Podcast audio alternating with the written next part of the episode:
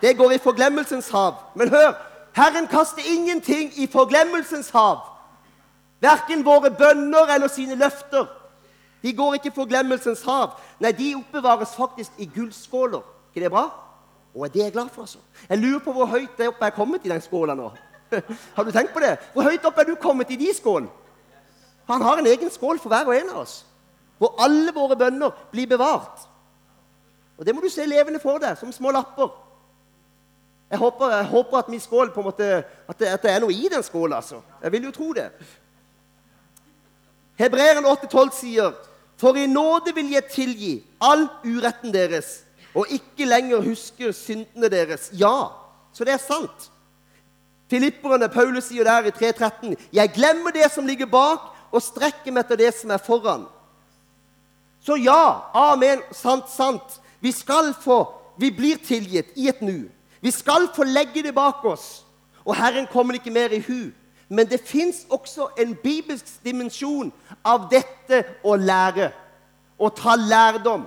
Når det står at vi skal vokse i nåden, så er det veldig lett å tenke men skal vi ikke bare ta imot nåden? For hver gang vi faller, så trenger vi nåde. Så vi tar jo bare imot og tar imot og tar imot. Men det står 'voks i nåden'. Og Paulus taler om at vi skal vokse opp og bli modne kristne. Og ikke være som barn. Og da er dette en viktig ting. Det å ha sånne varder i sitt liv hvor man gikk feil. Så man ikke så kommer kjørende igjen der med båten vet du, og glemmer alt vekk og går i de samme grøftene igjen og igjen. Da blir vi, som, Jak eh, som Jakob beskriver i 1.23 For den som hører ordet, men ikke gjør det ordet sier, ligner en mann som ser på ansiktet sitt i et speil. Han ser på det, går sin vei og glemmer straks hvordan han så ut. Det er jo et artig vers, det der. Hvis du lever sånn, så vokser du ikke opp til manns modenhet eller kvinnes modenhet. 2. Peter 2,18.: Dere skal vokse i nåden og i kjennskap til vår Herre, Herre og Frelser Jesus Kristus. Varder ser dere her, står her da. Det er faktisk en utrolig viktig del av livet og Kristuslivet å vite i hvilke områder, i hvilke situasjoner er jeg svak. Det handler om å kjenne seg sjøl. Ja, du er født på ny, men du bor fremdeles i en kropp. Og du er ikke i himmelen enda. Det var ei dame som eh, ble døpt. Hun følte seg så from. Hun var kvitt all som eh, hun hadde tidligere. Hissighet og sinne og synd. Alt var vekke. Så tok predikanten et glass vann og kasta i fjeset på henne. Hun tente på alle plugger. Så det sa han. Det var ikke helt borte. Men hvor i livet er jeg svak? Hva kan det henge sammen med at jeg faller sammen hver gang ikke jeg føler jeg presterer godt nok? Hva kan det henge sammen med at jeg blir sint og fornærma hver gang jeg føler meg forbigått? Hva er de medvirkende årsakene til at jeg er sånn som jeg er? Til at jeg reagerer sånn som jeg reagerer? I hvilke områder blir jeg lett svak, og derfor trår jeg lettere feil? For du skjønner, du kan leve som en kristen eh, på en måte i nåden på en sånn måte at du, du kjører karusell, altså.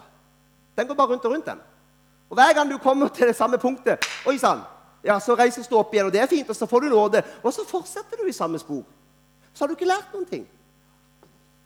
Det er utrolig viktig å bli modne kristne. Dvs. Si, når vi faller, så må vi stoppe opp. Ja, vi tilgis. Og vi skal ikke dvele det skiltet der er ikke, en, er ikke en sånn som skal påminne oss om, om, evig skam og skyld. Nei, men det skal lære oss noe. Akkurat som israelittene måtte lære noe. Hva var det som gjorde at jeg falt? Hva er det som gjør at jeg blir svak? For hva gjør du da? Da unngår du å sette deg sjøl i de samme situasjonene hvor du tidligere har gått feil. Hører du hva jeg sier? Husker Elisabeth sa det til meg en gang. Eh, men da må du passe på, Geir. Da må du ikke sette deg i samme situasjon igjen. Det satte satt seg fast, Elisabeth. Da må du ikke sette deg i samme situasjon igjen. For du gjør deg sjøl disponibel for djevelen, faktisk. For han vet hvilket område du er svak på. Og hvis du aldri reflekterer over ditt liv, Og hvis du aldri ser noen sammenhenger med noe som helst, verken din oppvekst eller dine foreldre, ingenting ser du, så er det lett for djevelen å ta deg både her og der. Istedenfor at du kommer til et område hvor du er litt svak. Det er klart, Hvis du har en, en, en eh, svakhet for penger, hvis du er eiekjær, så er det veldig dumt av deg å melde deg til Sigbjørn og si at 'jeg kan være kasserer her i menigheten'. Ingen problem. Det er veldig dumt av deg. For hvis du vet med deg sjøl at 'ja, jeg har en svakhet', og jeg har triksa litt før Du har blitt tilgitt, du har blitt oppreist, du har fått et nytt liv, men du gjør ikke det igjen. Du holder deg borte fra det. Og sånn lærer vi. Om du stadig jobber så mye, eller du alltid er så travel at du ikke får pleid ditt gudsforhold, da blir du et lett bytte for djevelen. Fordi du har ikke fått stått nok under hans kors, under hans fred, som du snakker om, under hans blod, under hans beskyttelse, under hans kjærlighet. Det er aldri sånn at Gud holder igjen. Jeg håper dere vet det. Gud holder ingenting igjen. Han har utøst alt. All velsignelse er utøst. Men det er jo vi som drikker av andre kilder. Det er jo vi som vandrer bort fra korset og begynner å drikke og søke andre veier. Og hva skjer da? Da blir vi svake.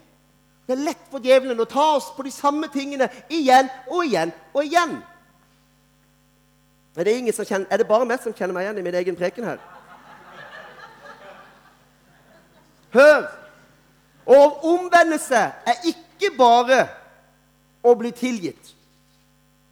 Det er ikke bare å bli tilgitt, for så å gå i de samme fellene tusen ganger. Men det er like så mye å vende kurs. Der var du inne på det, Grete, både forrige søndag og denne gangen. Herren talte, og han talte på en sånn måte at det var noe som krevde at du endra kurs. Ikke bare fikk en, en tilgivelse der og da, men du endra kurs. Og det er det det handler om. Du vet, et minefelt det er, vel, det er vel få ting i livet som må være så, av, så forferdelig som man plutselig skjønne at man befinner seg i et minefelt. Og det gjorde faktisk jeg i militæret. Eh, det òg. Jeg skulle lede et lite lag, og vi hadde en øvelse og ingenting fikk lov. Alt skulle være koda på nettet, og ingen av oss hadde fulgt med i timen. Vi skjønte ikke hvordan vi skulle få koda om alle kartreferansene. Alt var kaos, som du skjønner. Jeg leda det her, da. Eh, og vi ble kjørt av gårde fire på natta, sluppet av fra en trailer, ut i skogen, og ingen av oss visste hvor vi var. Og, eller det gjorde vi. Vi klarte å se på kartet, men vi klarte ikke å tolke det over. Så det endte med at vi måtte bare gi opp alle de reelle kartreferansene.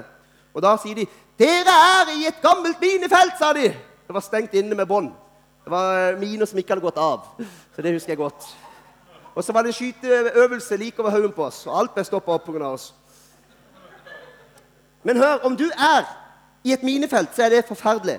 Men tenk deg nå at du visste det sto et flagg hvor minene var. Da blir det minefeltet relativt ufarlig sånn. Og det er litt sånn med livene våre. Vi vi handler mye ut på, på de samme tingene igjen og igjen. Ofte uten å lære. Men hvis vi kan plante et flagg Så når djevelen kommer og vil ha deg litt utpå, den sida eller den sida, så sier du Nei, du. Den veien har jeg gått før. Der har jeg vært før, du. Du lurer ikke meg. Så planter du det flagget der. Og så skriver du et bibelvers på det, som du har fått fra Herren. Det er det det handler om, disse vardene.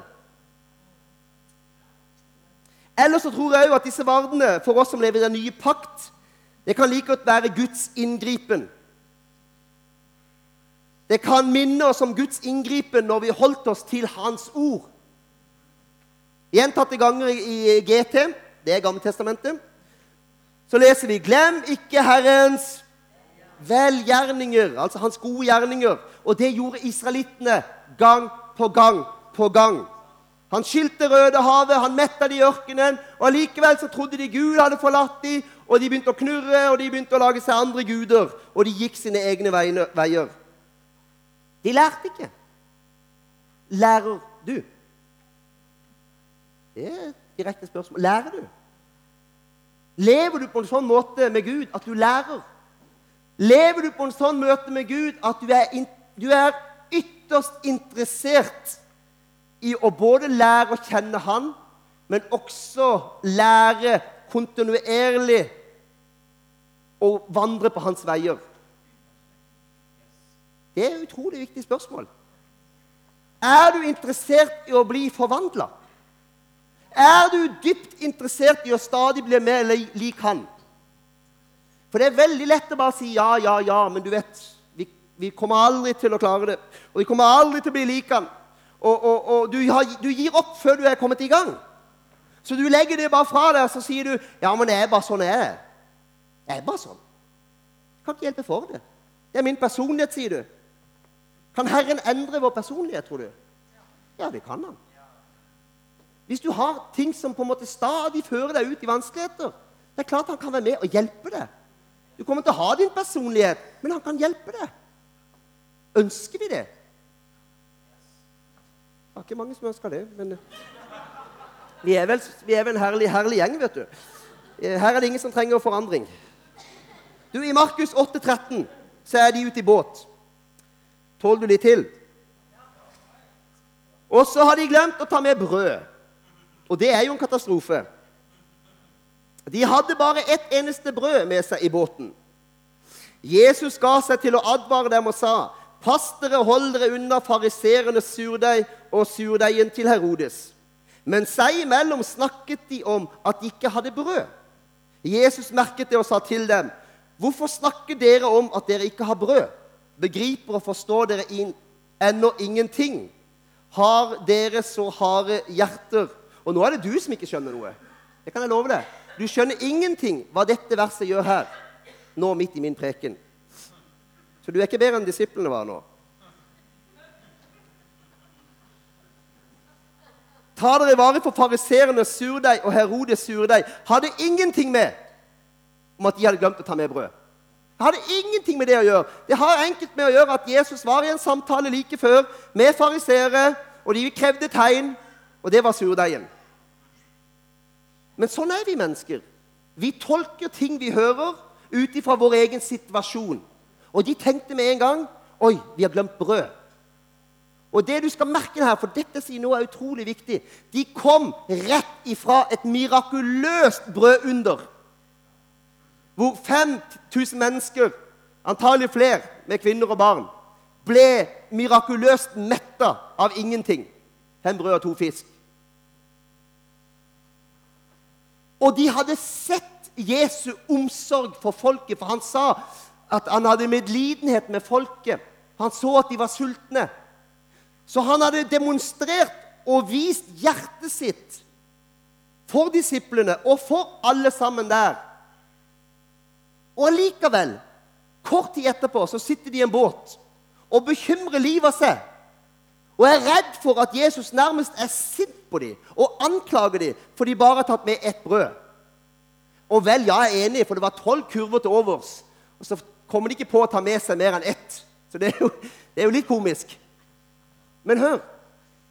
Hva var det de mangla? Hvorfor sier vi det her? Jo, da sier Jesus Forstår dere enda ikke?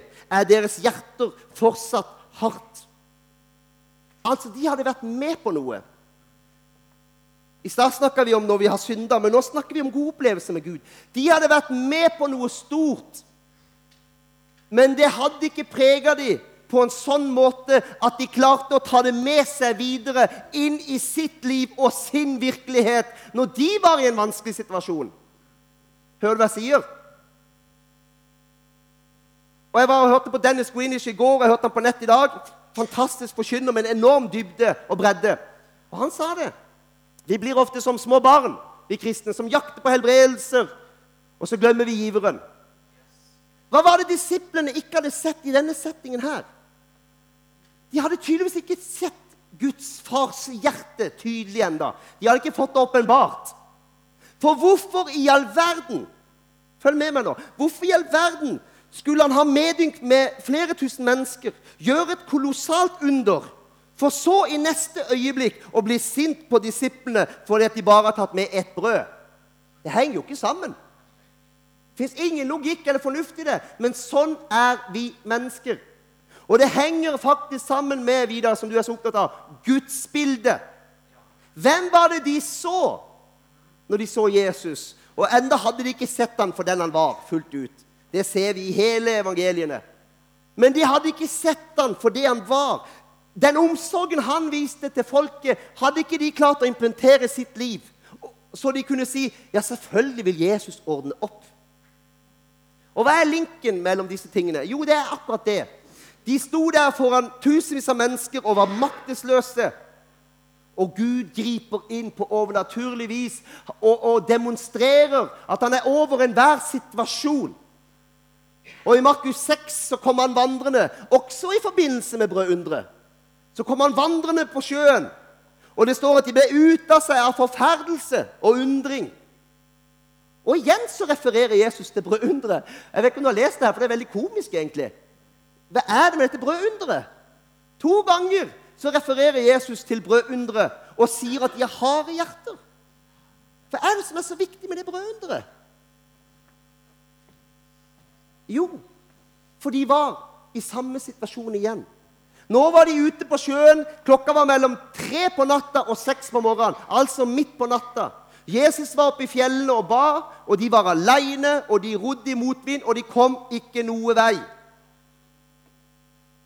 Så kommer Jesus på sjøen, og så sier han at de har harde hjerter. For de skjønner jo ikke fremdeles det med brødunderet. Hva var det de skulle skjønne? De skulle skjønne og lære seg å ta med seg opplevelsene. At har Gud gjort det én gang, så kan han gjøre det igjen. Har han gjort det én gang, så vil han gjøre det igjen. Og så er det noe med det å gjøre at de så kanskje bare et under. Du jakter helbredelser, og du jakter bønnesvar, og så ser du bare det enkelte under. Og det var fint, Gud, et mirakel. Men du må jo lære noe. Alt Gud gir oss, er også for at vi skal lære noe om Han. Vi skal få rett gudsbilde. Disiplene satt i båten og var engstelige for Jesus sin reaksjon på at de hadde glemt brød. Ja, Men da hadde de jo ikke helt grepet farshjertet. Han ville aldri blitt det. Han hadde akkurat metta tusenvis av mennesker. Så får de litt kjeft, da. Det gjorde de. Skulle han ha noe mindre omsorg for de nærmeste av, disiplene sine? Nei, selvfølgelig ikke. Hør. Med rett forståelse av Jesus så hører vi også hva han sier, på en rett måte. Fikk du med deg det? Med en rett forståelse av Jesus så hører vi også hva han sier, på en rett måte. For han var i båten, og han talte om fariseernes surdeig, og de tolka det feil. De tolka det som om de hadde gjort noe galt. Jesus snakka ikke om det i det hele tatt. Hør, du tolker ut ifra ditt eget liv, ut ifra ditt eget gudsbilde.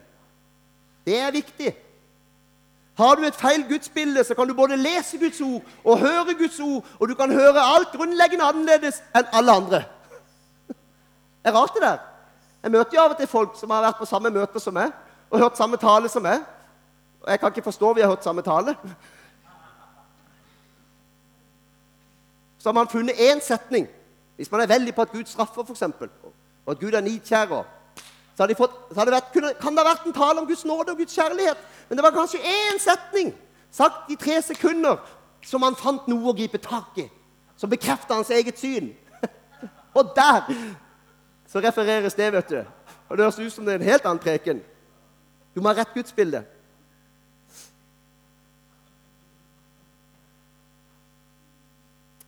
Mm, mm, mm, Hva har Jeg har opplevd mange sterke bønnesvar i mitt liv.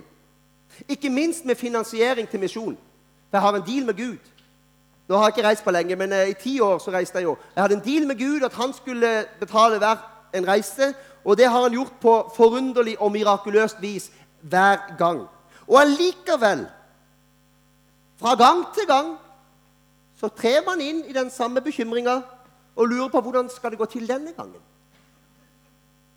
Og sånn som nå, når jeg tenker at nå må jeg snart ut igjen, og jeg føler jeg må begynne på nytt Jeg vet ikke hvor jeg skal begynne, sier jeg til Gud. Ja, hvordan begynte du sist, da? Nei, jeg gikk i tro. Ja, er det noen annen løsning nå? Nei.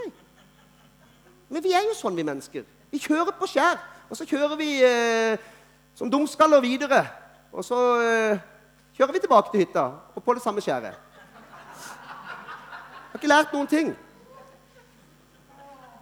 Vi glemmer så fort. Og israelittene glemte fort. Og hele Gamle testamentet er full av 'husk på, husk på', 'glem ikke', 'glem ikke'.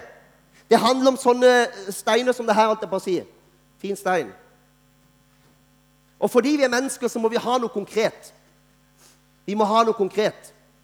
Jeg holdt på å si skriv, nå ikke, Det er ikke mitt hus full av lapper. Det kunne det godt ha vært om. Men eh, skriv lapper overalt. Minn deg sjøl på Guds ord. La det være sånne varder. Enten til advarsel eller som påminnelser om at 'der gikk jeg på Guds vei'. Der eh, hørte jeg på hva han hadde å si. Ta vare på alt som Gud gir deg. Ta vare på alt som Gud gir deg. Av profetier, av kunnskapsord, av bibelvers, av drømmer og visjoner. For det er en som river det fra deg fortere enn du aner. Og vår kapasitet er jo dessverre ikke så altfor stor. Så skriv det ned.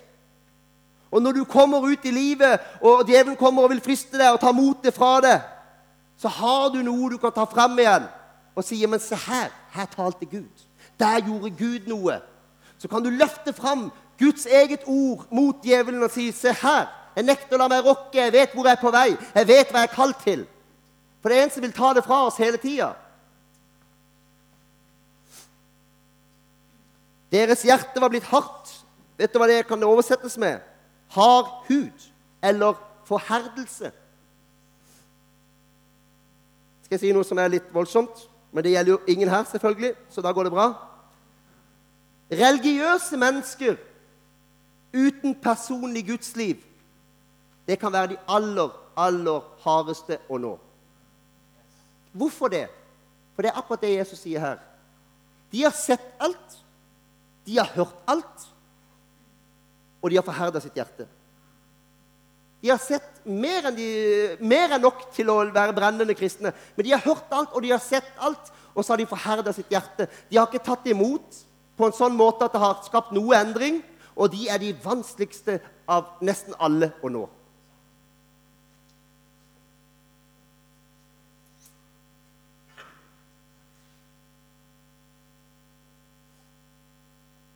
Og så sier jo Jesus Hva kan det komme av at dere ikke forstår? Jeg elsker sånne setninger i, Bibelen. Hva kan det komme av at dere ikke forstår? Altså, Jesus stiller spørsmål, han som vet alt. Det er nok litt retorisk. Hva kan det komme at dere ikke forstår? sa Jesus til disiplene. Og Det er et naturlig spørsmål. For han har demonstrert sin omsorg, han har demonstrert sin kraft. Og allikevel er de like bekymra hver gang de er i en situasjon som er ny. Og jeg tenker, Hva er det han vil si i kveld? Han vil si jo, de var og opplevde et mirakel med brødunderet. Men så dro de videre, og de tok ikke med seg lærdommen og innsikten. Så når de var i en ny situasjon på sjøen eller hvor det måtte være, så tvilte de like mye igjen. Og lever ikke vi sånn veldig ofte? Gud frir oss ut på mirakuløst vis. Han gir oss et økonomisk mirakel. Han helbreder oss. Han redder oss ut. Og Så går det en uke, og så er det en ny situasjon som oppstår. Og så er vi akkurat like bekymra. Men vi er jo sånn. Og jeg, og jeg for min del er akkurat som dere, antagelig. antagelig. Hva kommer det av når vi ikke lærer? Dere ser uten å se og hører uten å høre, sa han til dem. Hva er det du ser? Og Da er vi tilbake til begynnelsen. Du må stoppe opp, og du må grunne. Derfor er det denne følelsen min av voksenopplæring. Det føles litt teit, men jeg kjenner jeg skal gjøre det likevel. Det er voksenopplæring. Hvorfor reagerer jeg sånn? Hvorfor blir jeg sint hver gang eh, noen trykker på de og de knappene? Du vet det at Hvis du kan finne ut av de tingene, så går du til kjernen av problemene i ditt liv, av utfordringene. Da er det noen troll som sprekker. Det mister makt over det. Fordi at du har belyst det med Guds lys, og trollet holdt på å si, holdt på å si har, Ballongen har sprukket, og djevelen har ingenting å bruke lenger. Fordi at du er blitt opplyst og fått åpenbaring om ditt eget liv, om ditt eget indre, som gjør at djevelen ikke kan komme og herse med deg og hive deg rundt som ei filledokke. For det gjør han visst ikke. Hvis du aldri har fått oppmerksomhet i livet ditt, ja, det er klart at da er du ekstra svak for sjarmører og oppmerksomhet. Du vil falle enda lettere enn noen som kanskje har fått mer enn nok oppmerksomhet, og som er trygg.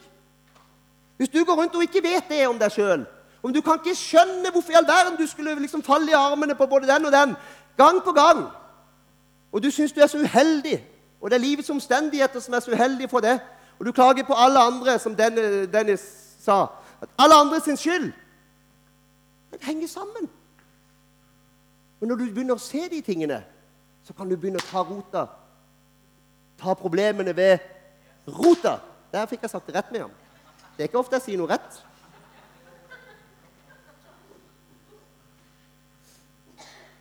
Henger du med hva jeg snakker om? Er det veldig bra? Men det voldsomt. Derfor må du ha noen sånne varsellys. Du må ha noen sånne stoppskilt som er varsellys, og så må du samtidig ha noen varder som påminner deg om Guds løfter og Guds kraft og Guds inngripen i ditt liv. Jeg trenger det iallfall. Kan være du er så mye sterkere enn meg og ikke trenger det, men jeg trenger det iallfall. Markus 8, den blinde i Betseida. Han var blind. Dere kjenner historien. Jesus smører på øynene hans, tar han med ut for byen, og så står det så fint Ser du noe, sa Jesus, og han så opp. Anne Grete, du snakker om å bli løfta opp. Han så opp. Jeg vil tro at denne blinde hadde stort sett gått sånn. For det er ingen grunn til å kanskje løfte hodet når du allikevel ikke ser noe. Så det blir til at man går litt nedbøyd. Og Det kunne godt vært at Jesus kunne åpne hans øyne, og så Ser du noe? Nei, ikke mye. Se noe mål. Sånn tror jeg det er av og til. Gud han gjør ting i våre liv. Og så sier han 'Ser du noe?' Nei, for vi er så nedsylta i våre egne utfordringer, våre egne problemer. Og til og med når vi kommer på bønnemøte, så avløses det ene utfordringen og det ene problemet avløses, Den ene bønnen avløses av den andre. Og til slutt så sitter han med hodet nesten nede i, i, i bordplata, altså, i, i ren depresjon. Du kan be deg til kjelleren, du vet det. Du kan be deg rett ned av og til. Du kan be deg sorgmodig og trist og lei. Hvorfor det? Fordi at du har ikke gjort som denne mannen som fikk møte Jesus. Du har ikke løfta hodet. Johannes, der du innleder Da Jesus kom gående, så Johannes på ham og sa, 'Se der, Guds lam.' Johannes løfta blikket fra det han sjøl sto i. Han sto der og døpte. Selv en aktiv tjeneste kan låse vårt blikk fast på de mange oppgaver. Eller vår tjeneste, eller vårt kall, eller til og med oss sjøl. Men løft blikket og se på ham, Guds lam. Skal jeg gå mot slutt? Jeg har lært meg til noen ting i mitt bønneliv. Og det er uansett hvilken situasjon jeg befinner meg i, hvor mørk han måtte være, eller hvor håpløs han virker Gud er Gud uansett. Han er majesteten, og han er kongenes konge uansett. Og han blir ikke mindre svak eller mindre sterk eller mer sterk alt etter hvordan jeg opplever mitt liv. Han er den samme. Og han har gjort det han har gjort. Han døde på korset, han ga sitt liv. Og han fortjener, som Lene sa, all lovprisning, all takk. Uansett hva jeg står i. Og jeg har lært meg til at når jeg innleder mine stunder med Gud, må bare prise Han og bare takke Han Og så vil noen si ja, men blir ikke det litt livsfjernt? Skal du fornekte ditt eget liv og din egen situasjon? Nei, langt derifra. Jeg fornekter ingenting. Hvis jeg er syk, så er jeg syk. Jeg lyver ikke. Jeg skal ikke late som noe annet heller. Men jeg retter ikke mitt fokus mot det. Jeg retter mitt fokus mot Han. Så takker jeg Han, og vet du hva som skjer? Og så begynner jeg alltid å proklamere litt. Jeg har veldig tro på proklamasjon. Alt som er født av Gud, seirer over verden. Og det som har seiret over verden, er vår tro. Kan du tale høyt ut i den åndelige verden? Hva skjer når vi proklamerer? Da løfter vi Han og Hans verk. Og da skjer det noe inni meg. Så det der som jeg sto og stirra på her, i flekkene på skoene mine, som jeg bekymrer meg så veldig for at kanskje ikke ville gå av Du skjønner bildet? Så løfter han mitt blikk. Så får jeg se han i herlighet. Og da skjer det noe med alle mine livets utfordringer. De bare de minsker ganske betraktelig i styrke. Og de blir ikke så viktige. Og så skjer det noe med troa mi mens jeg holder på der og bekjenner ut hans liv og hans overflod av liv og hans kraft. Så skjer det noe med min egen tro. Så Hvis jeg mangler penger til kampanje, så kan jeg enten ligge på gulvet som en unge og, og med armer og bein og være bekymra og rope til Gud. Det er greit, det, altså. Eller så kan jeg tale det ut. Og så kommer troa sigende, altså. Har dere opplevd det? Så kommer troa sigende på. Fordi at Gud Altså Som en mann tenker, slik er han. Henger sammen. Peters første brev 5,8. Deres motstander, djevelen, går omkring som hva da? En brølende løve for å finne noen å sluke. Alt handler om åpenbaring, for å slutte sirkelen. Om du er i ødemarka alene og plutselig hører et løvebrøl ved siden av deg, så blir du vettet skremt. Og du ser for deg levende oppspist av den løva. Men det er en helt annen opplevelse hvis du sitter på åpenbaring og kunnskap om at den løva der har verken tenner eller klør. Og det eneste den løven kan gjøre, det er å brøle. Det er ikke mye å være redd for da. Skjønner du? Altså, Situasjonen kan se helt lik ut no, når du ser det fra utsida. En løve et menneske. Nå er du oppspist. Nei, for du vet bedre. For du har fått sett noe. Du har lært noe. Så neste gang djevelen kommer, så har du lært å gjenkjenne ting i ditt liv. Du kan tale til ham og si ja, du, Så kan han stå der og brøle. For du setter på hørselverna. Er han iallfall irritert? Han kledde makten og åndskreftene nakne og stilte dem fram til spott og spe da han viste seg som seierherre over dem på korset. Det handler om åpenbaring om hvem Kristus er, hvem du er, og også hvem djevelen er. Og når du får stor innsikt i de tingene der, så kan du leve annerledes enn det disiplene gjorde. Og de var like fryktsomme hver gang. Lene. Amen.